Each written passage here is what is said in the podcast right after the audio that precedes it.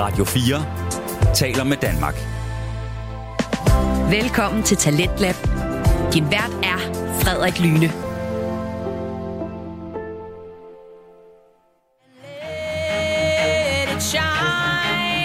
Just on the night like the 4th of July. 'Cause baby, you're a firework. Come on, show 'em what you sang, Man. Rigtig godt nytår. Jeg håber, I er kommet godt ind i det nye år, at I vandt lidt penge på dronningens nytårstale, og I har fået det sidste bræk væk fra mundvinen. Velkommen her til Talenter på Radio 4. Det er altså stedet, hvor du kan høre Danmarks bedste fritidspodcast, og det er noget særligt i aften. Aftens program er nemlig noget, noget helt andet end det, vi plejer. Det er en nytårs special. Dagen er på, godt nok. Og det betyder her til aften, at øh, der laver vi sådan en særlig udgave til Talentlab, som vi faktisk også har gjort alle dagene mellem øh, jul og nytår, hvor temaet det så var jul, men nu der er det altså nytår. Og specialdelen, den består af, at øh, jeg har inviteret Ulrik Larsen fra podcasten De tog ud med ind i studiet på en måde, godt nok over en forbindelse, hvor øh, jeg så har lavet et interview med ham i løbet af ugen, som I så skal høre her øh, til aften her. Og udover at have lavet det her interview med ham, så vil jeg også øh, spille lidt for et afsnit, han har lavet med en, der hedder Trine, som bor i Japan. Og ideen er egentlig, at vi skal lære Ulrik øh, lidt bedre at kende. Og det, øh, det skal blandt andet handle om hans øh, podcast, I tog ud. Vi skal handle om, hvorfor Ulrik han valgte at, at lave den her podcast overhovedet. Og så skal det også handle om, hvorfor Ulrik selv faktisk overvejer at rejse væk fra Danmark igen. For han er faktisk også boet ude i udlandet, ligesom dem, han interviewer. Og jeg synes faktisk bare, vi skal springe ud i det. Så øh, her kommer mit interview med Ulrik Larsen fra De tog ud. Hej Ulrik. Hej Frederik. Du er vært på podcasten De tog ud. Har du det godt? Det har jeg. Det, er, det er rart, og øh, ja, det har jeg. Det, Tak. altså, det her, øh, det her afsnit, vi laver her, hvor vi, øh, hvor vi pakker det her interview ind med, med et af dine afsnit, det bliver sendt øh, 1. januar, altså lige efter nytår. Jeg vil derfor gerne høre dig, Ulrik. Går du meget op i, i nytår? Altså, det er ikke så meget længere. Det har jeg jo gjort før i tiden. Det var måske øh, altså, en af de fedeste dage. Dengang man var lidt yngre. Nu nærmer jeg jo mig midten af 30'erne her, og har en lille søn på, øh, på halvanden år. Så det er ikke, fordi vi har de helt vanvittige nytårsplaner i, i år her. Det tør jeg godt at, at sige med det samme. Men, øh, men det bliver noget stille og roligt. Ja. Hyggeligt, hvor vi måske skal, skal spise med et, et vennepar. Mm. Men øh, jeg håber, der er nogle af lytterne, der, der er med, øh, har haft øh, god fart på i går, og, og kan ligge og, og slappe af med noget radio nu her. Ja, må ikke. Um, hvis jeg har forstået det rigtigt, så har du også boet i udlandet. Det er blandt andet USA, er det ikke korrekt? Ja, det er rigtigt. Ja. Jeg boede øh, i Phoenix i Arizona tilbage i, øh, i 2009. Mm. Jeg var så, øh, jeg spillede amerikansk fodbold dengang, og øh, så sendte jeg nogle videoer af mig selv som, øh, som amerikansk fodboldspiller rundt til en række forskellige klubber der i, i Kalifornien og Arizona. Jeg gad godt, det var lidt, lidt varmt klima. Det kan lytterne af, af podcasten måske også genkende, men, men det er det, der, der siger mig mest, det, der, det er de her steder, hvor at klimaet er lidt anderledes, end det er her i, øh, i Danmark. Mm. Men øh, der var jeg heldig, at en klub i, øh, i Phoenix, der gerne ville have, at jeg kom over og spillede. Så der, øh, der havde jeg et halvt år, hvor jeg boede hos en, øh, en anden spiller for holdet, som havde sådan et, et kæmpe hus med, med mange værelser og tre badeværelser. Han havde øh, nok overskud til, Ja. jeg var der i hvert fald. Det var fedt. Det er sjovt, jeg har, øh, jeg har også selv boet i USA. Øh, jeg boede der i fire år, fordi min far han er i forsvaret, og så skulle han over arbejde derovre, så jeg flyttede også derover efter 4. klasse, og var der så i fire år efterfølgende. Um, så det, kan, det, Fedt. det, det, var har vi lidt tilfælde. Om jeg boede, øh, jeg boede først i um, Philadelphia et år, og så flyttede vi ned til Østkysten, ned til Virginia Beach, helt ud til vandet. Så Ja, fedt. ja, det var skønt. Jeg har været meget derovre af også. Det er Mm. mest små, små ferier, men øh, det er et fedt sted. Hva, nu, nu, når nu, du har så boet i udlandet, har du så prøvet at holde nytår i øh, USA, eller hvad? Nej, jeg har nytår i øh, Australien. Okay. Fra, øh, fra 16 til 17, der boede vi et års tid i, øh, i Sydney. Mm. Men der var vi faktisk i Gold Coast. For dem af jer, der, der er kendt i Australien, så ligger Gold Coasten cirka en, en 1000 km nord for Sydney. Og det er jo sådan lidt den omvendte verden i Australien, så jo mere nord du kommer, jo varmere er det. Mm. Og igen, så, så er det bare helt omvendt, ikke? Så, så når du har øh, nytår i Australien, så er det jo øh, toppen af deres, øh, af deres øh, sommer. Så det er, det er lidt modsat Mm. det hele, men det var en, en, en fed oplevelse, synes jeg også. Men øh, tilbage til det der med, tror jeg, at i min ungdom i Danmark her, der forbinder jeg jo nytår meget med, at man giver den gas ikke og holder fest, og der er noget, noget alkohol selvfølgelig, og øh, der er Australien og mange andre steder i verden bare lidt mere begrænset med sådan nogle ting, ikke? Altså, der kan jeg huske, de stod og, og sagde, at man måtte ikke have noget med ned på stranden overhovedet der, altså der kunne du stå med, med en flaske vand eller sodavand eller et eller andet. så det er, en anden, det er en anden kultur nogle gange i udlandet, så der er der nogle ting, man vil savne, tænker jeg også, hvis jeg selv var udlandsdansker. Mm. Det kunne ville da. Det er sjovt. Jeg, det er, vi, har, vi har flere, ting, flere ting til fælles, synes jeg. Det er, sådan, jeg har også, øh, jeg har ikke holdt nytår i Australien. Jeg har været der også øh, på nogle måneder. Vi var der fire måneder på sådan noget øh, backpacking, mig og min kammerat. Og vi skulle have holdt nytår i Australien, men vi, be, vi blev så enige om, det skulle sjovere at holde nytår i Thailand, tænkte vi. Så vi, øh, ja. vi, vi fløjte over dagen før nytår, fløj til, til Bangkok, og så gav vi den gas der i stedet for. Det tror jeg kan noget. Det tror jeg var en god beslutning, faktisk. det var vildt sjovt. Der kan godt være fart på. Ja, helt klart. Nå, Ulrik, det skal jo ikke kun handle om, øh, om nytår, det skal også handle om din podcast, De tog ud. Ulrik, vil du ikke lige ja. Øh, kort rise konceptet op for podcasten? Jamen, konceptet er egentlig, at jeg taler med, med danskere rundt omkring i verden, som ikke har nogen intention om at tage tilbage til Danmark igen. Og, øh, og min, hvad kan man sige, hele konceptet, det jeg prøver på i hvert fald, det er at tale med så mange forskellige typer som muligt, så det kan være nogen, der er rejst ud via deres arbejde. Det kan være nogen, der har fundet en, en kæreste i udlandet. Eller det kan være nogen, der bare har sagt, jeg gider ikke det her hamsterhjul længere. Nu vil jeg bare ud og, og prøve at bo i et andet land. Mm. Øh, nogen, der måske har en eller anden speciel følelse for et, for et land, og så prøver at, at kaste sig ud i det. Mm. Så det er egentlig det her med at få, få talt med nogen, der ikke, der ikke har nogen intention om at komme tilbage. Ligesom, hvad er deres, hvad er deres tanker med det, og øh, ja, hvad havde de her bekymringer, og hvordan går det i, i dag? Ja. Hvordan, hvordan øh, kom du på ideen til podcasten? Jeg tror egentlig, jeg har tænkt over det de sidste, altså hvis jeg skal være helt ærlig, måske 4-5 år, hvor at, øh, at jeg også var lidt ude selv på det tidspunkt, og synes, det kunne være sjovt at lave en, øh, en podcast. Men man kommer bare ikke rigtig i gang med det. Altså, det er en af de her ting, man virkelig skal... Det lyder måske, og jeg vil også sige, hvis der sidder nogle lytter derude nu og overveje det, springe ud i det. Men det kan godt, øh, det kræver ikke super meget igen, men, men det er stadig ikke nogen, der er nogle indgangsbarriere, ikke? Og, og man får hele tiden udskudt sådan nogle ting der. Mm. Så øh, kom jeg så endelig i gang her for et lille års tid siden. Ja, og, det, og vi er mega glade for, at, at du kom i gang herinde på Talentlab. Du laver nogle virkelig, virkelig fede øh, afsnit. Øhm, jeg kunne godt tænke mig at vide, at øh, er du inspireret af andre podcasts, du lytter til?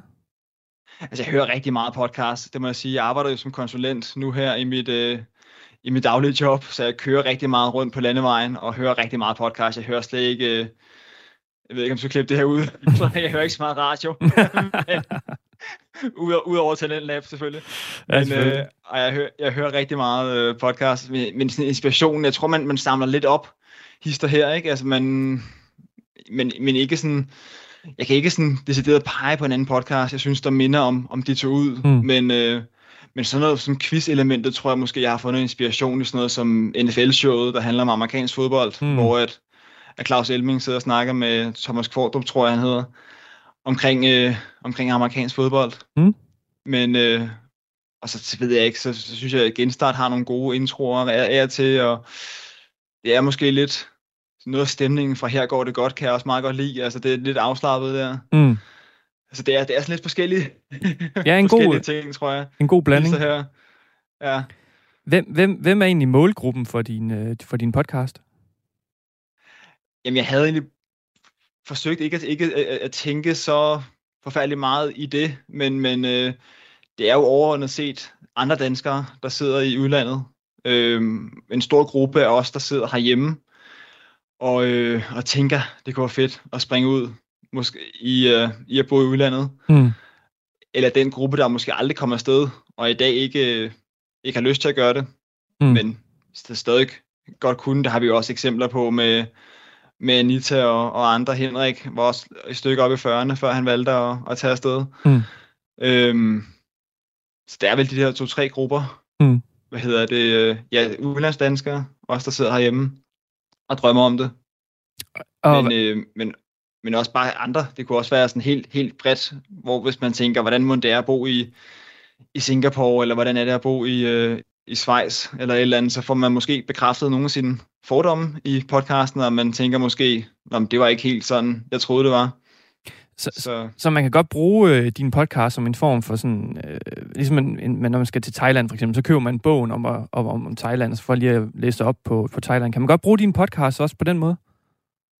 Ja, sådan til, til en vis grad. Altså, vi snakker altid omkring kultur og forskellige ting, og hvordan generelt man kan regne med, at befolkningen opfører sig mere eller mindre, ikke? og hvad der har været kulturschok og sådan noget, så man, man får da et indblik i, hvordan det er at bo i det her land. Mm. Men det er ikke sådan, at vi, vi sidder ikke og gennemgår sådan, hvad de, de fem største turistattraktioner og sådan nogle ting på det, på det niveau der, men, øh, men inspiration og noget mere viden om landet, det er jo, det synes jeg er fedt, når man selv er ude at rejse. Mm. Det ville man kunne få i, i podcasten i hvert fald.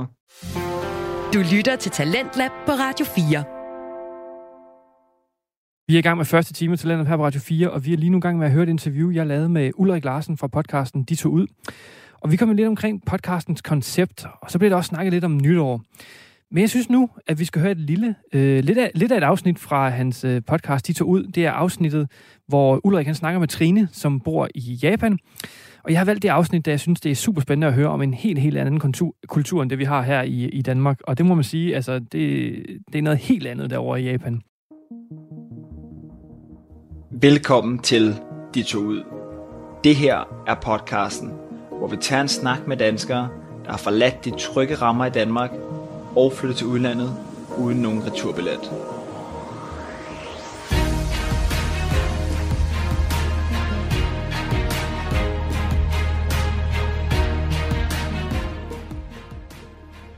Tanken om at tage ud og bo i et andet land permanent har altid fascineret mig.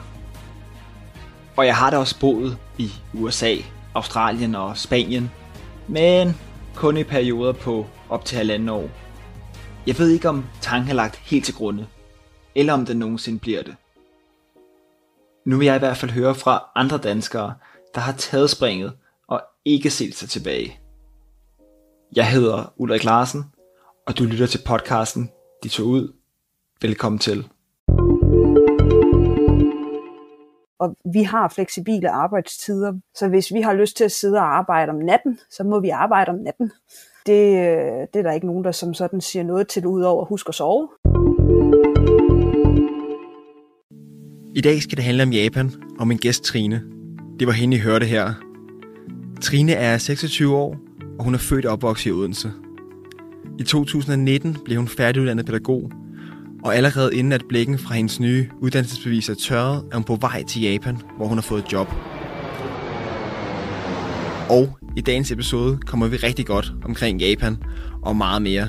Vi kommer til at tale om alt fra jordskælve, japansk arbejdskultur til hos Andersens hus i Odense og, og Brunsviger. Selvfølgelig nu, hvor vi har Trine med fra Odense A. Men øh, apropos jordskælvet, så får vi faktisk også en jordskælvalarm midt under optagelserne. Så der er lidt at holde øje med for jer som lyttere. Så vildt her kommer det ikke til at lyde. Det her det var bare for at skabe lidt ekstra drama. Jeg har sat lidt lydeffekt på. Så I øh, skal spidse lidt mere øre for at høre alarmen i selve optagelserne. Nu er I forberedt. Og lige her, inden vi skal til at i gang, og jamen lidt vil høre mig prøve at sige hej på japansk, lod jeg lige Trine at sige, at alt hvad hun siger her i podcasten, er et udtryk for, hvad hun selv synes og hendes egne meninger. Og hvis du gerne vil hjælpe podcasten her med at blive en succes, så øh, find vores gruppe inde på Facebook. Hvis du ikke allerede er derinde, så kom der derind. Giv en anmeldelse, der hvor du hører din podcast, og anbefal gerne podcasten til en, øh, til en ven. Det vil jeg sætte stor pris på. Men vi skal til at i gang, og her kommer Trine. Konnichiwa, Trine. Velkommen til podcasten De to ud. Konnichiwa. Hvad siger du til den øh, japanske velkomsthilsen her? Det gjorde du meget godt. Det er, det er svært. Det er et svært sprog, kan man roligt sige. Ja, det kan vi godt blive enige om. Hvordan, øh, det kommer vi også meget ind på øh, senere. Jeg ved, du gør dig lidt bedre i det. Du kan, du kan lidt mere japansk end, øh, end lige at sige hej. Ja, lige lidt da. det, det, tager vi, det tager vi lidt senere. Yes. Men øh, lad os høre til at, til at starte med, du sidder i, øh, i Japan. Hvordan, øh, af det vi skal have på banen fra starten af, det er jo vejrforholdene. Nu er det jo, øh, vi har en, en, en storm i Danmark lige i øjeblikket, så jeg håber ikke, det går for meget ind i mikrofonen. Det har været ret, ret vildt faktisk de sidste, eller de sidste dages tid her. Men hvad med hos dig? Hvordan ser det ud, når du kigger ud af, af vinduet? Uh, lige nu er det aften, så det er lidt mørkt. Uh, solen går rigtig hurtigt ned her om vinteren, også i Japan. Men ellers så har det sned i dag. Øh, det har ligget meget i luften, men der er ikke noget, der er blevet liggende endnu. Så, så det er meget koldt. Hvad ligger vi på temperaturmæssigt der? Jamen, øh, nu her er det januar jo selvfølgelig, eller februar. Øhm, så øh, den ligger omkring de, de 0 grader på en god dag, og så øh, når det er rigtig koldt om natten, så ligger vi nede på en 5-10 stykker. Så det er sådan generelt koldere end, øh, end Danmark nærmest. Lige nu er det ja. Er det øh, forskelligt fra Japan? Jeg ved ikke, jeg forbinder bare Japan med, med sådan varme på en eller anden måde, og, og godt, godt vejr. Ja, men det er jo også fordi de fleste de plejer at rende rundt og hygge sig nede i Tokyo. Det er meget nede sydpå. Ja, Så, så det skulle jeg nok tro, for i Tokyo, der får de måske en dag om året, hvor der er snevejr, og så er det det. det er til at leve med. Ja, det synes jeg da også lyder meget hyggeligt. Jeg er ikke så meget for sne, så, øh, så jeg synes, at det er meget hyggeligt at tage til Tokyo der om julen, og, ja. Og hygge mig dernede i varmen. Ja, helt klart. Og hvordan du siger også, det er aften hos dig nu, så det vil sige, øh, at du er, du er gode 8 timer foran os i Danmark. Ja, nu har I, i Danmark har jo det der sjove vintertid, sommertid noget der. Det forstår jeg ikke rigtig, efter jeg er flyttet herover. Det, det synes jeg er forvirrende. Men I kører øh, mere bare... I, Vi I kører, bare det- helt normalt, vil jeg forhold at sige. Ja. øhm, men ja, der er øh, 8 timer om vinteren og 7 timer om sommeren. Ja, men det er også en sjov ting, det her med sommer- og vintertid. Jeg ved ikke, det kommer vel af, at, at det simpelthen bliver for miserabelt på en eller anden måde ikke? I, i Nordeuropa, hvis, hvis det bliver mørkt klokken, klokken Ja. tre den ene vej. Og, ja. Ja, der, der var nogen, der synes, det blev for tidligt mørkt, og så synes de, det var sjovere at ændre på hele økosystemet i stedet for. ja. og hvad, hvad tid bliver det mørkt hos dig nu, siger du? Jamen, nu er vi jo i gang med at skifte igen, men sådan der ved en 5, halv, 6 stykker, så er det nok tusmørke. Og så, Ja. øh, ja altså solen står jo op der klokken 6. Okay, Så vi har lige alligevel lidt mere solskin, end man plejer her i Danmark. det må man sige. Det er sjovt, jeg har aldrig været i Japan, men det vil jeg rigtig, rigtig gerne også. Vi øh, boede i Australien et års tid, der tilbage i 2016. Og på vej hjem derfra, der kiggede vi faktisk på at komme til Japan, og øh, lige være en uges tid. Vi kunne bare se, at, at temperaturen den var en lidt lav inde, og priserne var en lidt høj inde, Og der var Thailand bare et godt match i stedet for, ikke? Det var lidt varmere og, og noget billigere. Men øh, det ved jeg ikke, om det er... Det er i hvert fald et sted, man burde tage hen. Det tænker jeg. Jeg har aldrig været i Thailand, øh, så det kan godt være, at det er varmere deroppe. Øh, men ja, øh, især den nordlige del af Japan, den bliver rigtig, rigtig kold om vinteren. Så øh, det skal nok passe, at det, du, det er det, du har set. Ja, altså jeg tror, at Thailand kører lidt med det samme klima hele året i hvert fald. Der er man lidt mere, mere sikker. Ja. Men hvad med, altså Trine, åbningsspørgsmålet her i Desud podcasten. Hvor ville du egentlig helst bo i hele verden, hvis der ikke var nogen, øh, hvad skal man sige, begrænsninger og, og noget at forholde sig til ellers? Jeg tror, jeg er rigtig god til, eller rigtig glad for at leve lige her, øh, hvor jeg er nu, faktisk. Øh, ikke fordi der er noget galt med Danmark som sådan, men Danmark er jo også bare lidt, øh, lidt kedelig nogle gange. øh, og øh, jeg har prøvet at være lidt andre steder rundt i, i, i Europa, og jeg har familie i Norge også. Og sådan. Jeg vidste rigtig, rigtig hurtigt, at, øh, at Japan var et godt sted, øh, for hvad jeg er i gang med lige pt. Så det, Ja. ja, det, det, bliver, det bliver lige her. Har du altid haft en eller anden fascination af Japan, eller hvor, hvor, kommer, det, hvor kommer det fra? Ja, se, det snakkede jeg lidt med mine forældre om her, da jeg så kom herover, fordi jeg har øh, været så heldig, så at sige, at vokse op med, med Danmarks Radio og TV2, der jo sendte alle de her animationsting om morgenen. Øh, det er i 90'erne jo, øh, Ja. og i, i 2000'erne. Øh, og der har jo været rigtig meget sådan Pokémon og, og Dragon Ball og alt sådan noget der. Ja, ja, Og det, er jo, og det er jo oprindeligt fra Japan, så på den måde, så kan man sige, at jeg blev allerede der introduceret til kulturen. Men, og så tænk, det havde jeg aldrig tænkt over rigtigt, før jeg også kom herover, men min klaverlærer i, øh, hvad er det, første til 4. og 5. klasse, hun var faktisk japaner. Og øh, hun havde de her meget søde øh, note, notesbøger, øh, hvor man skulle skrive lektier og sådan noget i, til det, man skulle øve næste gang. Ikke? Og den var jo fyldt med japansk. Og det har jeg jo aldrig tænkt over som sådan, at det var, det var et fremmed sprog, eller sådan. Det er jo, som barn, så tænker du ikke over sådan noget der. Nej, nej, nej, nej. Så, øh, så på en eller anden måde, så har det altid været der. Ja, Øhm, det har ligget på en eller anden måde, ja. ja, så, så, så blev det bare hængende. Men lad os lige, øh, også fra starten af her, lad os få placeret Japan på, øh, på verdenskortet, først og fremmest. Og dernæst, øh, der hvor du bor i Japan, du må også gerne lige have lov selv, Trine. Nu har jeg læst det, du skrev nemlig. Og du må gerne selv lige få lov at udtale det sted, du, øh, du bor. Værsgo. Jamen, øh, hvis du står i Danmark, så skal du starte med at tage helt vejen op på den anden side af jordkloden. Ja. Øhm, og så, folk de ved jo sådan cirka godt, hvor Australien ligger, og så skal du så bare lige op over, indtil du øh, rammer Kina, og så skal du lidt ned igen. Ja. Øh, det er jo så en af de, Japan er en af de store lande, som vi siger i Asien. Der er Kina, Sydkorea, og så er der øh, Japan. Øh, og Japan ligger ved siden af Sydkorea, og nede under Kina. Øh, og så bor jeg lige midten, næsten. Sådan. Øh, jeg bor øh, næsten direkte mellem byen Tokyo og byen Sapporo. Øh, der er cirka lige langt til hver. Øh, det jeg bor i, det hedder Iwate. Øh, Iwate? Og det er Iwate. Ja. Meget godt, meget godt. Du har øvet dig. Ja, ja. den er svær. Øhm, og vi kalder det Iwate Prefecture, øhm, som er ligesom at sige Region Syddanmark, eller hovedstaden, eller hvad de nu hedder, de forskellige. Det er den måde, de ligesom opgør det i. De har prefecture, og så har de øh, by, som er lidt mere eller kommune, og så har de så det, der går endnu tættere på, som vi så kalder by. Jo. Der, okay. Okay. hvor vi normalt vil have postnummer. Bor du så i en, en mindre område, eller en mindre by, eller en, en større by, eller hvordan? Jamen altså, jeg bor lige øh, præcis ud til havet, så det vil sige, hvis jeg går ud af bagdøren, så kan jeg jo nærmest være i havet. øh, på, øh, ude på kysten her. Øh, jeg ved Lækkert. ikke, øh, hvor mange der kender til japansk, øh, den historie, der er, men her i 2011, der blev specielt mit område ramt rigtig, rigtig hårdt af den tsunami, der kom øh, tilbage i marts 2011. Okay. Så, øh, så jeg ved det- ikke, om det det- giver... Er det, er det noget, man har i baghovedet, når man bor i Japan? Altså de her naturkatastrofer er noget, der kan, der kan ske? Det, øh, det er det, ja.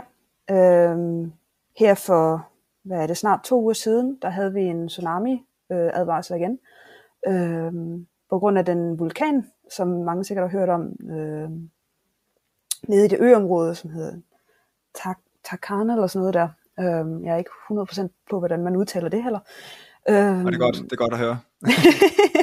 nu kan jeg kun engelsk, dansk og japansk, så... Øh, Ja, ja. Øhm, men ja, øh, så der, øh, der blev vi også, øh, der, ja, vi blev op hele natten, så at sige, øh, på grund af det. Altså sådan i, øh, i beredskab, eller i, Ja, hvad, hvad kan man sige, ja. Jeg synes også, jeg forbinder også Japan lidt med jordskælv. Er det også noget, der man hører om indimellem? Eller er det bare risikoen, man snakker om? nej, vi, vi snakker seriøse øh, jordskælv. Grunden til, at den tsunami, der var der i 2011, det var jo, at den blev udløst af et, øh, hvad hedder det, det der Richterskala noget. Øh, den, det jordskælv, det var på 9. Okay. og, øh, og det er rigtig højt. Øh, Ja. Mens jeg har været her i Japan, der har jeg oplevet to øh, jordskælv, som lå op på 7,2. okay. Og øh, det er ikke sjovt, skal jeg så sige. Også bare lige for at få, også få mig selv og lytterne med. Altså Richterskalaen, den går til 10, eller hvad går den til? Ja, 10 eller 11. Ja, okay, så vi er, vi er Øhm, rimelig højt op, kan man roligt ja. sige. Ja. Øh, man kan sige, at i Japan, der har vi normalt jordskælv. Det, det er normalt at have et dagligt jordskælv. Men vi snakker altså nede på, øh, på det, der ligger på en, en to-tre stykker. Nogle gange så kan de godt nå op på fire, en halv. Og hvordan føles sådan en, øh, en toer? Du kan næsten ikke mærke dem jo. Det er okay. kun, hvis du ved, hvordan det føles, at du opdager, åh, oh, oh, oh, det, det var et jordskælv. Nå, okay. Øhm, Så det er ikke engang ligesom den der scene, hvis man kan huske den fra Jurassic Park, hvor den der T-Rex kommer ind, og man kan se kaffekoppen står og, og vibrerer. Det er ikke det, er ikke det vi er ude i. øh, så er vi oppe i de der 7, 9, 8, 9 stykker der. Øhm, Så er det, ikke- så er det ikke helt for sjov længere. Nej. Nej. Men det er jo også øh, meget anderledes, tænker jeg, i forhold til Danmark. Altså nu, øh, nu kommer det her ud med et par uger, ikke? og også for jer lytter, der er med. Det her det er lige dagen efter, vi har haft den her storm, man kalder Malik. Jeg ved ikke, om du har hørt om det over hos dig? Jo, jeg, jeg læste lige øh, i øh, DR's nyheder, at, øh, at de havde storm, og så tænkte jeg, åh, hvor er danskere dog sindssygt Ja. skrøbelige. Oh Jamen, my det, god. altså, så vidt jeg har set, er der, ikke, er der ikke sket noget alvorligt. Det vil selvfølgelig være slemt, hvis der var det, men det er jo tit lidt en joke, når de her storme er der i Danmark. Og den, Må jeg den, spørge, den, hvordan- Ja, undskyld. øh, nej, sorry, den, den artikel, jeg så på, på TV2 i går, det var også et billede af en trampolin, der var væltet, og så breaking news, storm er kommet ind over, ikke? Og det er jo det forhold, vi har til det, så derfor synes jeg, det er, det er spændende at høre, om, om du har vendt dig til at, at være i Japan på det niveau, hvor det er en reel trussel. Lidt mere end det end væltede trampoliner. Ja, altså det kan man sige, på en måde har jeg men på den anden side, så er det aldrig noget, du vil sige bliver normalt. Jeg var her jo ikke i 2011, men det er der mange af de øh, mennesker, jeg kender her i området, der var. Og man kan godt mærke det. Når der er, der kommer de her store jordskælv, eller der faktisk er tsunami-advarsel, så kan man mærke øh, hele, øh, hele beredskabet går simpelthen i alarm, og man, altså alle bliver stille Ja, øh, og, og lytter efter, og det er ligesom, det, det, man skal bare være forsigtig i sådan nogle situationer, fordi der er mennesker, der har mistet livet af det, og det er noget, de tager meget seriøst. Men på den anden side, når det heller ikke er større, end at de er de her, som, som de så kalder level 3 på deres skala, så er det jo heller ikke en anden sådan, åh, oh, du, åh, oh, nå, ja okay, fint, vi, vi kører videre. Der, Ja. der er ikke, det er ikke, altså det, ja, på den måde er det noget, du lever med. Øh, det er bare en del af hverdagen. men 2011, det var så den sidste alvorlige episode, eller hvad man skal sige. Ja, øhm, det var det jo. Øh, det, ja, det var jo så 10 års jubilæum her øh, sidste år, og, øh, og det var der rigtig mange, der, der øh, ikke ligefrem fejrede, men, men man havde mindedage og, og store højtidligheder og, og så videre. Så det, Det er svært at forestille sig det her med at, at leve med den der konstante trussel, men man, man vender sig jo til det på et eller andet niveau. Tænker jeg også, du har gjort, at det er noget, der kan, der kan ske, det man ligesom med på. Men øhm, hvor stort er Japan egentlig, sad jeg og tænkte over. Det er jo sådan meget, meget langt og, og stort land, kan man sige på en eller anden måde, men det er ikke så, så bredt heller. åh, oh, der er... Mm. Alt, alt, alt er selvfølgelig relativt, ikke? Det er noget. Men øh, jeg tænker, øh, altså, hvor, Jamen, hvor lang tid vil det tage at, køre igennem landet sådan fra den ene ende til den anden? Har du nogen idé Og det? det tager alt for lang tid til, jeg har givet at tælle det.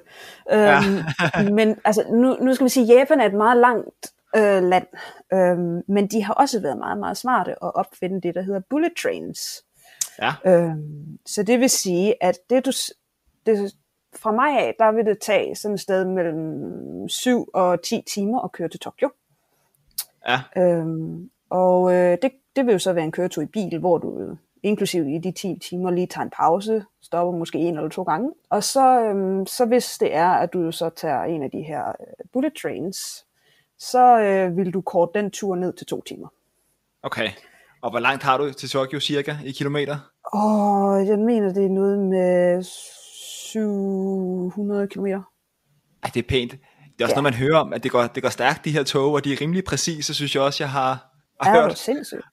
det er ikke, der er ikke så meget DSB-standard over den, øh, den del der. Ej, det er da helt sindssygt, så hurtigt man kan komme afsted i forhold til. Det kan godt give, øh, give mening så. Det er ikke for sjov, når jeg siger, at øh, de sender en øh, meddelelse ud, når de er 15 sekunder forsinket. Ja. Det kan jeg. Ja, det, er, det er sgu vildt. Der er noget udviklingspotentiale der, for, øh, for os i hvert fald. Men hvordan, øh, altså, hvordan ender du med at, at flytte til Iwate i Japan? Var det nogenlunde rigtigt ramt? Ja, ja, ja, ja. Det går. Nogenlunde Det går rigtigt, godt. ja. Øhm, jamen, øhm, jeg voksede jo op med japanske ting, uden at, at være rigtig klar over det. Øhm, så øh, jeg valgte, øh, dengang jeg var færdig med gymnasiet, at så skulle jeg jo så øh, på universitetet og læse til pædagog. Ja. Øhm, og så begyndte jeg jo at blive klog på både mig selv og på mennesker og, og, og verden omkring mig, så at sige. Ikke? Og øh, så begyndte jeg at blive rigtig interesseret i kulturforskelle og, øh, og sprog generelt. Og så kom det her japanske jo ligesom på banen for alvor, når man begyndte at dykke ned i sin personlige historie osv. Og, og, øh, og så synes jeg, skulle jeg da bare til Japan og prøve det. Så jeg startede jo øh, at snakke med, med det universitet, jeg var på, eller den skole.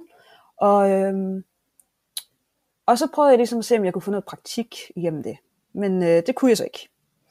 Og så snakkede jeg jo så med en masse mennesker i mit netværk, og jeg fik faktisk privat øh, gennem sådan en aftenskole, der fik jeg japansk undervisning, øh, for lige at, at prøve at se, hvad det var for noget kulturmæssigt også. Um, og det var meget svært, skal jeg så hisse sige. Ja. øhm, men så lykkedes det mig faktisk at komme i kontakt med nogen, som øh, kendte nogen, som kendte nogen osv. Og så fik jeg faktisk et tilbud om at komme herover og bo, hvor jeg bor nu, øh, sammen Okay. med en non-profit øh, organisation.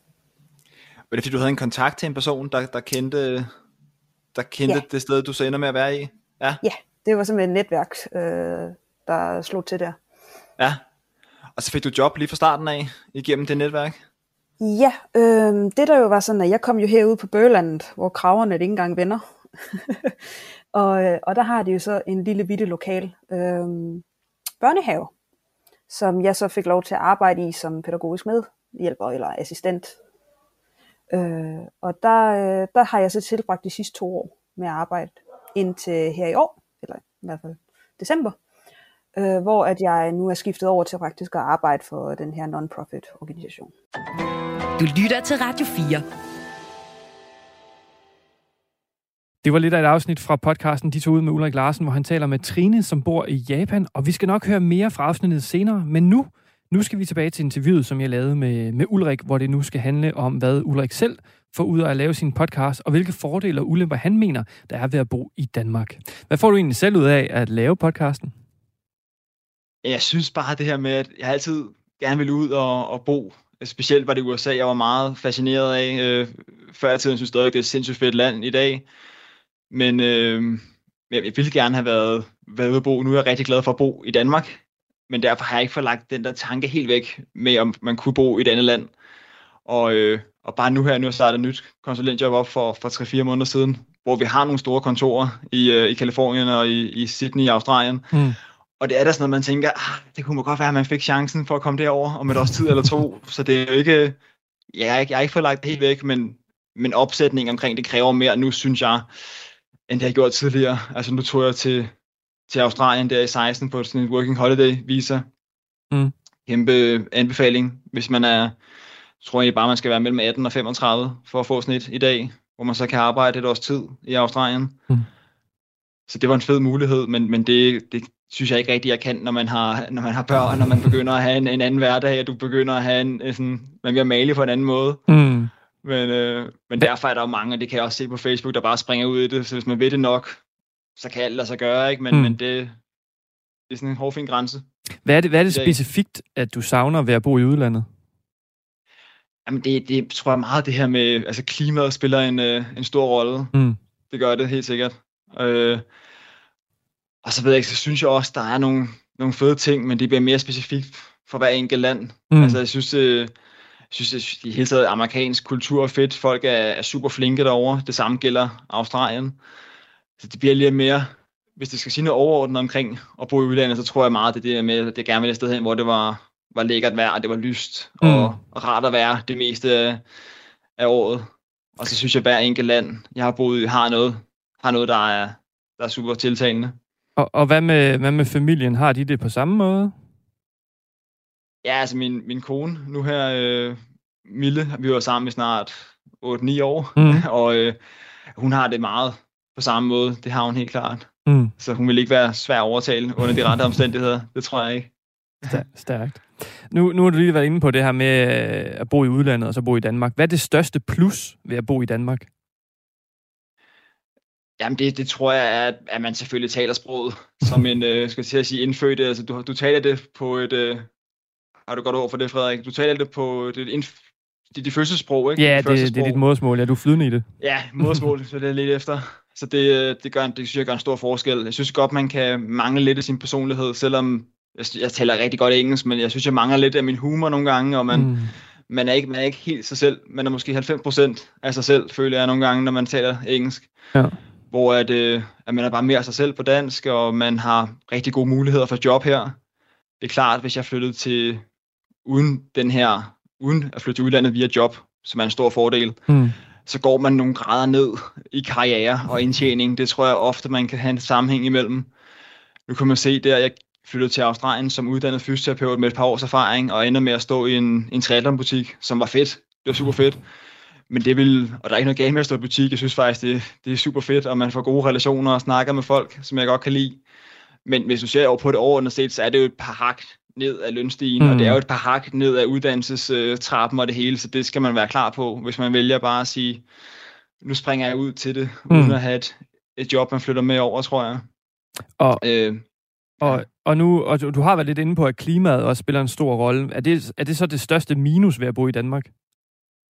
Ja, det er det. Og så uden at gå for meget ind i politikken heller, så vil jeg sige, at jeg er heller ikke stor fan af sådan hele det her... Øh, og det, det grundlæggende socialdemokratiske samfund på det niveau her.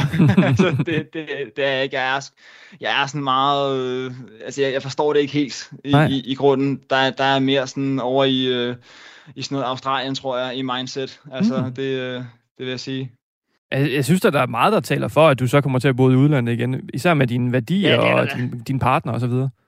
Jamen det er der jo. Du kan også høre mange af dem, jeg taler med i podcasten. De nævner jo tit, selvom de bor i, i udlandet, så er det tit den der om de savner måske velfærdssystemet i Danmark og sådan noget, det tror jeg ikke, jeg vil savne mm. i mange sekunder ved at bo i udlandet. Det, det tror jeg godt, jeg kan afsløre. Men, øh, okay. men der er jo, jeg synes, men venner og familie og, og jobmuligheder og alt det her, og, mm. og det her med at tale, tale sproget, ikke, og være sig selv, det, det er stort plus. Ja, selvfølgelig. Og jeg er da glad. Jeg vil også, også understrege, at jeg er glad for at bo i Danmark, og jeg føler på en eller anden måde, når vi har været ude og bo de her tre steder, så har jeg ligesom valgt Danmark til nu, mm. hvor at at hvis jeg ikke havde været ude de her steder, hvis jeg aldrig var kommet afsted, så tror jeg, at man måske havde siddet, når man var endnu ældre, ikke? hvis du var de der 45-50 år og sagt sådan, puh, jeg skulle måske have gjort noget, og nu bor jeg også bare i det her lorteland og sådan noget.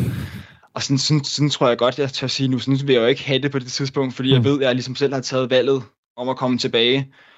Og det, øh, det gjorde man måske også af nogle årsager, ikke? så det, mm. jeg synes, der er en, der er en sammenhæng. Det, det, det er lidt et, et mærkeligt spørgsmål, jeg kommer med nu, men, men kunne du godt ønske dig, at du har været født i et andet land end Danmark, for eksempel Australien? Øh, ja, på en eller anden måde. Mm? Det, det, det tror jeg. Det vil jeg ikke være, være ked af. det, nej, nej, men så vil du have familien jo fra starten af ikke derovre. Og du vil, øh, du vil have det, det fede klima og de andre ting der. Øhm, men ja. Det, det, det, det, det tror jeg vil være fedt. Men jeg er, ikke, jeg er ikke på nogen måde ked af at være født i Danmark heller. Altså, mm. det er også vigtigt at sige. Men det er selvfølgelig, der er jo 200 andre lande, der vil være langt værre at være i. Ikke? Åh, oh, selvfølgelig. men, men. Radio 4 taler med Danmark. Vi er stadig i gang med første time her, her på Radio 4, og vi er i gang med at høre et interview med Ulrik Larsen fra podcasten De tog ud. Men nu synes jeg lige, at vi skal høre lidt mere fra Ulriks afsnit med Trine fra Japan. Og vi fortsætter altså bare, hvor vi slap. Det kommer lige her. Så hvornår er det, du, øh, du, flytter til Japan? Øh, sommeren 2019 blev jeg færdig med min uddannelse. Og så to år efter, så tog jeg med flyet herover. Der okay, var ikke noget, ja. Og starter så i dit job, du får, får skaffet der relativt hurtigt bagefter? Ja. Sådan. Øh, jeg startede øh, 1. august. Det var, altså, dem der, der siger, at de har, øh, har job der, når de er færdiguddannet, det var mig. Øh, bare ikke lige Danmark. Men det er da også godt, du fik forberedt dig på at tage noget altså japansk på aftenskole der. Ja. Hvor længe har du gået til det så, inden du, inden du står i Japan der i august 19? Mm, ja, det er et godt spørgsmål. Mm, jeg tog tre kurser øh, af 10 uger. Øh, så det har nok været et års tid, måske halvanden år før. Øh, hvor at, øh, du ved, bare sådan en, en halvanden time om aftenen der, sådan en gang om ugen. Ikke? Ikke, ikke det helt store seriøse selvstudie her, men, øh, men bare lige sådan, man kan dykke ned i. Ja. Det er super god idé at gøre. Altså det giver, men kommer man ikke så langt på engelsk i Japan? Eller, eller hvad tænkte du, da du, da du tog sprogkurset der? Øhm, jamen, øh, jeg vidste generelt ikke så meget om Japan i starten. Det var nok derfor, at, øh, at jeg synes, det var bedst lige at, at få en introduktion der. Men ja. også fordi, at nu har jeg jo så været lidt inde med alle de her anime og manga, og, og derefter gik jeg videre til tv-serier og, og andre medier og musik og sådan noget der. Øh, og der, øh, der fandt man hurtigt ud af, at øh, i Japan, der har du tre alfabeter. Hold da kæft. på, på samme niveau, øh, som vi kender i Danmark, eller hvordan? Altså, jamen, med, tør jeg ikke sige det, men hvad er der 28 bogstaver i Danmark? Hvor mange er der? Altså, er det, er det sådan tre gange øh, almindelig alfabet i størrelsen? Nej, det er det jo så ikke. Nå? Det er jo sådan, at øh, de har øh, kinesiske tegn, som vi kalder kanji. Ja. Det, er jo, det er jo dem, som man kender fra kinesisk, ikke? De der symboler ja. der. Og så ellers, øh, så har de jo det, de kalder hiragana, som er deres originale. Og så har de katakana, som er øh, det, som de bruger til at skrive engelske ord med. Hold da op. Så når ja. de låner sådan et ord som hamburger, hamburger, Altså det er bedre at opfinde et nyt alfabet til den. ja, det synes de. Så, øh, så det var det, de gjorde. Ja, det er oplagt. Det synes jeg er, er stærkt. Men hvordan er altså dit niveau i japansk nu? Hvordan vil du sige, det er? Er det ligesom dit engelsk niveau? Altså, det tænker jeg, at alle danskere kan jo snakke engelsk og forstå og gøre sig forståelige i, i udlandet. Er det der, du ligger, eller hvor, hvor er du henne på, på skalaen? Øh, nej, øh, jeg vil sige, øh, uden at skulle, øh, skulle sige, at jeg har nogen test til at bevise det, så vil jeg sige, at jeg er øh, flydende i engelsk. Øh, men øh, hvis man skal vurdere mit øh, japansk sprogligt, så vil det nok ligge på det, der hedder N4, som er det næstlaveste niveau. Det, det siger jeg med min, min danske, øh, hvad hedder det, jantelov og alt det der i, i mente der, skal så lige siges. Jeg Ja. har fået at vide flere gange, at jeg er bedre, end hvad jeg selv giver udtryk for. Men øh, Ja, ja, det er klart, det skal man lige tage med et grænsalt. Du er ikke helt over fra, fra Jylland af, Trine, men du er dog fra, øh, fra Fyn. Så ja, vi skal jeg er fynboer 100 procent. Ja, I kører måske lidt mere jantelov, end man gør i, i Københavnsområdet, men så du er, du er lidt bedre, end du tror. Det, det tænker jeg også lige umiddelbart. Og det kan du, kan du roligt bilde os alle sammen ind her i hvert fald. det tror jeg ikke, der er nogen tvivl om. Nej. Jeg synes, det er imponerende, imponerende sprog at lære. Øh, Jeg sad og hyggede mig lidt. Der er sådan en Duolingo-app. Jeg ved ikke, om du kender Åh. den. Jo, den sad- har jeg jeg selv været på. Jeg sad lige og kiggede og tog bare de første to lektioner på japansk, og det er også til lytteren. Prøv at gå ind og downloade den her Duolingo, det er ret sjovt. Man kan sådan prøve at lære sprog et par minutter om dagen, hvis man øh, ikke rigtig har tid til det, og synes det er sjovt.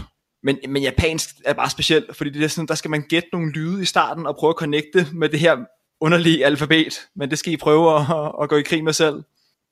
Og så vil jeg så lige advare med den der Duolingo-app der, fordi når det kommer til kanjisne, så er den ikke helt præcis.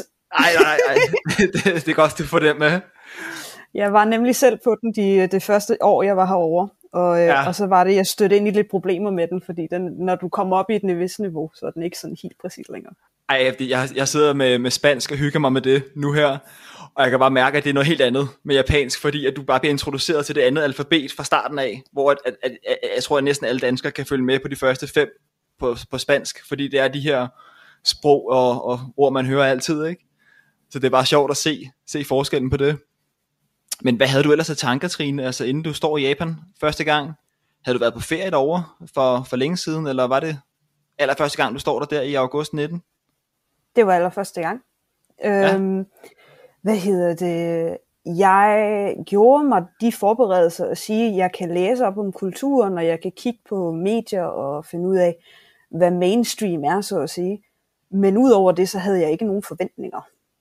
Øhm, jeg har snakket med, med nogle kontakter selvfølgelig, og, og sådan prøvet at, at snakke japansk til japanere, mens jeg var i Danmark. Men jeg ville ikke gøre mig nogen forventninger, både for, øh, for ikke at skabe for mange stereotyper, men også fordi, at hvis jeg nu kom over og så sagde, ej, det var ikke mig det her, og så var hele året, hvor jeg havde fået øh, sådan et working holiday visa, og så, så var det bare spildt, og så var det, så var det bare røvnøgler, som man siger på jysk. Ja, ja, det er klart. Det er klart. Det er også et, et godt mindset at have, tænker jeg egentlig. Men du må da have haft, du har ikke haft nogle fordomme omkring Japan eller Japan generelt, inden du tog afsted? Man hører jo, og det, det jo fik jeg jo meget hurtigt fra min familie, dengang de fandt ud af, at jeg havde bestilt flybilletten. Japanere, de arbejder 80 timer om ugen. Japanere, det er sådan nogen, der spiser med pinde, og de spiser kun ris, og bla bla bla bla bla. Ja. Alle de klassiske, så at sige. Ikke? Jo, jo, jo. så jo, jeg, jo. jeg var meget, øhm, da jeg kom herover, så var jeg meget sådan, nej, det kan ikke passe, at det hele er sådan. Nej, Så, og hvordan var det? Ja, Var, det, var der noget rigtigt i det, eller var der... Jamen, altså man kan jo sige, der er jo altid en grund til, at stereotyper de er opstået. Ja, Øh, så det der med, at de arbejder 80 timer om ugen, kan godt forekomme. Men det kan også forekomme i Danmark. jeg skulle sige, men, men det kan også være 120, eller hvad? det, Ja, altså så kan man så sige, hvis du elsker dit arbejde, vil du så ikke også gøre din, dit arbejde til din hobby? Jo, er det jo, ikke også jo. sådan med entreprenører, når det er, at de går i gang med et eller andet stort projekt, der, så tager det jo hele kalenderen, ikke? Jo, jo, jo, jo. Men er det Øhm. ikke... øh, Men, men den er god nok, eller hvordan? Altså det her med japanerne, arbejder rigtig mange timer. Ja, det er det. Øh, desværre forekommer det oftere i Tokyo, end det gør her, hvor jeg bor. Men det er jo på grund af den arbejdskultur, der er i Tokyo og byområdet, så at sige. Ikke?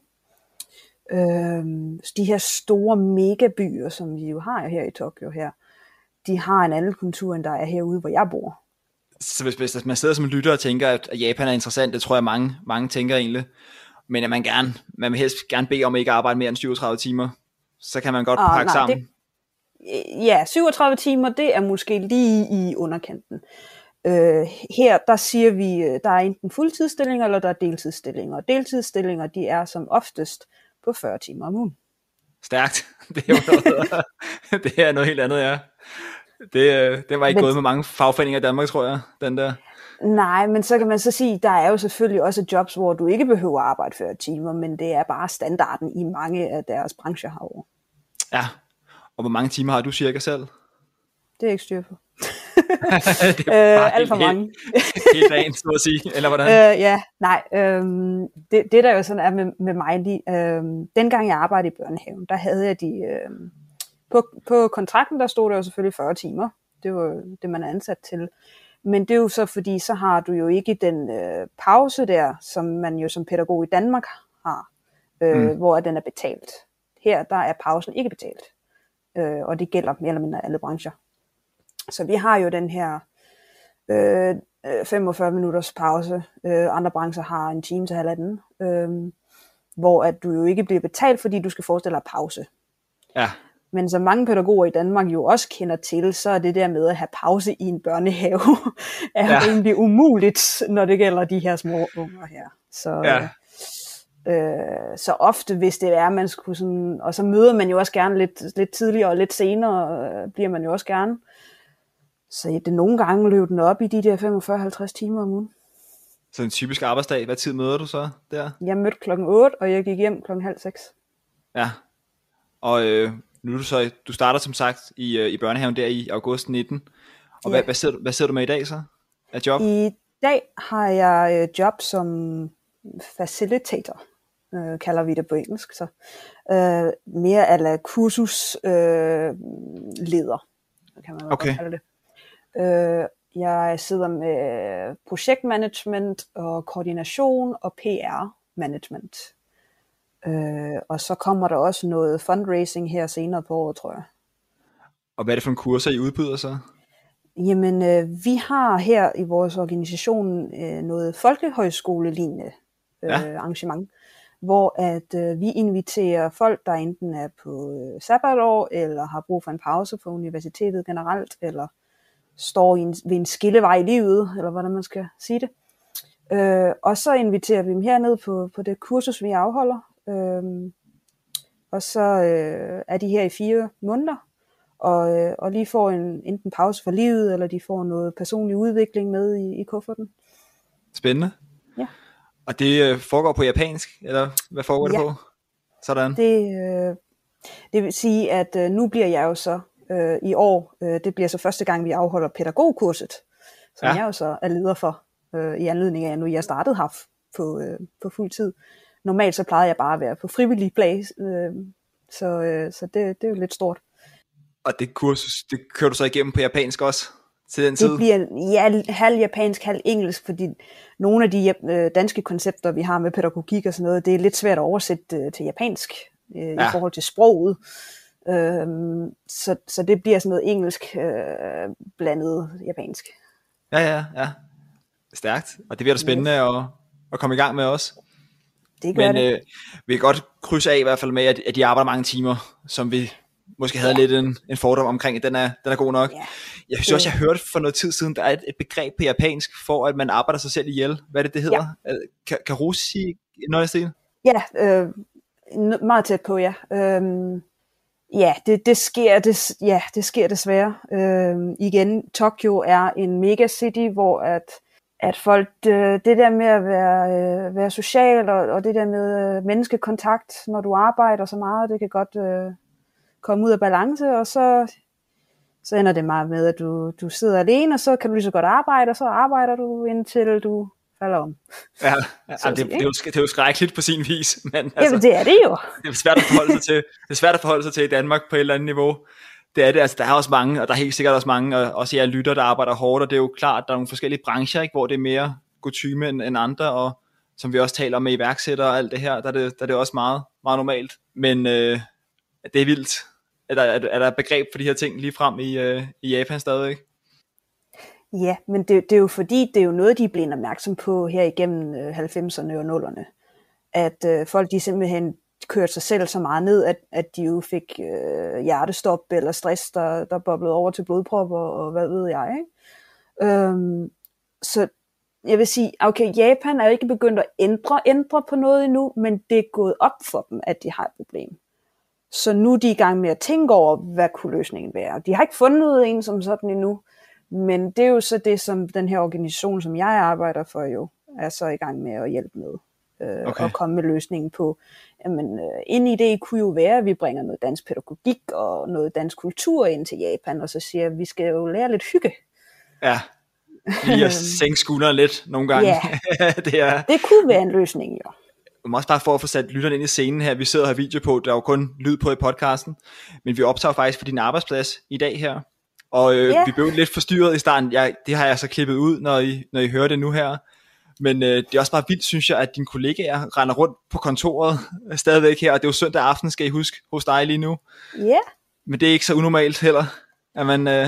Nej, men så, så kan man så sige, om, om, om det er os, der er lidt tosset, fordi at øh, vi halvt arbejder lokalt, og halvt er, halvt er det, vi laver, er jo også sådan lidt vores hobby og sådan noget der. Det kan jo også spille lidt over. Men, men også bare det, altså vi kan bruge de lokaler, der er til rådighed på kontoret, til privat også. Så det kan også spille ind i, i det. Og vi har fleksible arbejdstider, så hvis vi har lyst til at sidde og arbejde om natten, så må vi arbejde om natten. Øhm, det, det er der ikke nogen, der som sådan siger noget til, udover at huske at sove øh, i løbet af dagen så.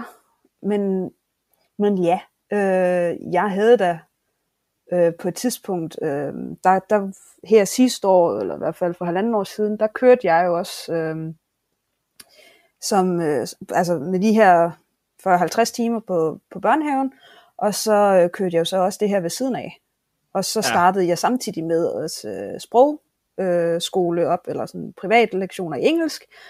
Og så havde jeg også lige en kammerat, der skulle have noget danskundervisning, og så fik jeg også lige en anden kammerat, som lige skulle have hjælp til et andet pædagogisk projekt. Så jeg kørte jo gerne 80 timer om ugen. Ja. Hold da kæft. og det, det kunne godt mærkes, at man lige pludselig sad på kontoret, fordi der, der var printer, og der var varme, specielt her om vinteren. Så, øhm, så da klokken var 10, og man ikke rigtig havde lyst til at gå hjem i snevejr, så blev man jo bare på kontoret, indtil det holdt op med sne. Og så kunne man jo arbejde imens. så ja, det er i hvert fald en, øh, en al, kultur, det er der ingen tvivl om.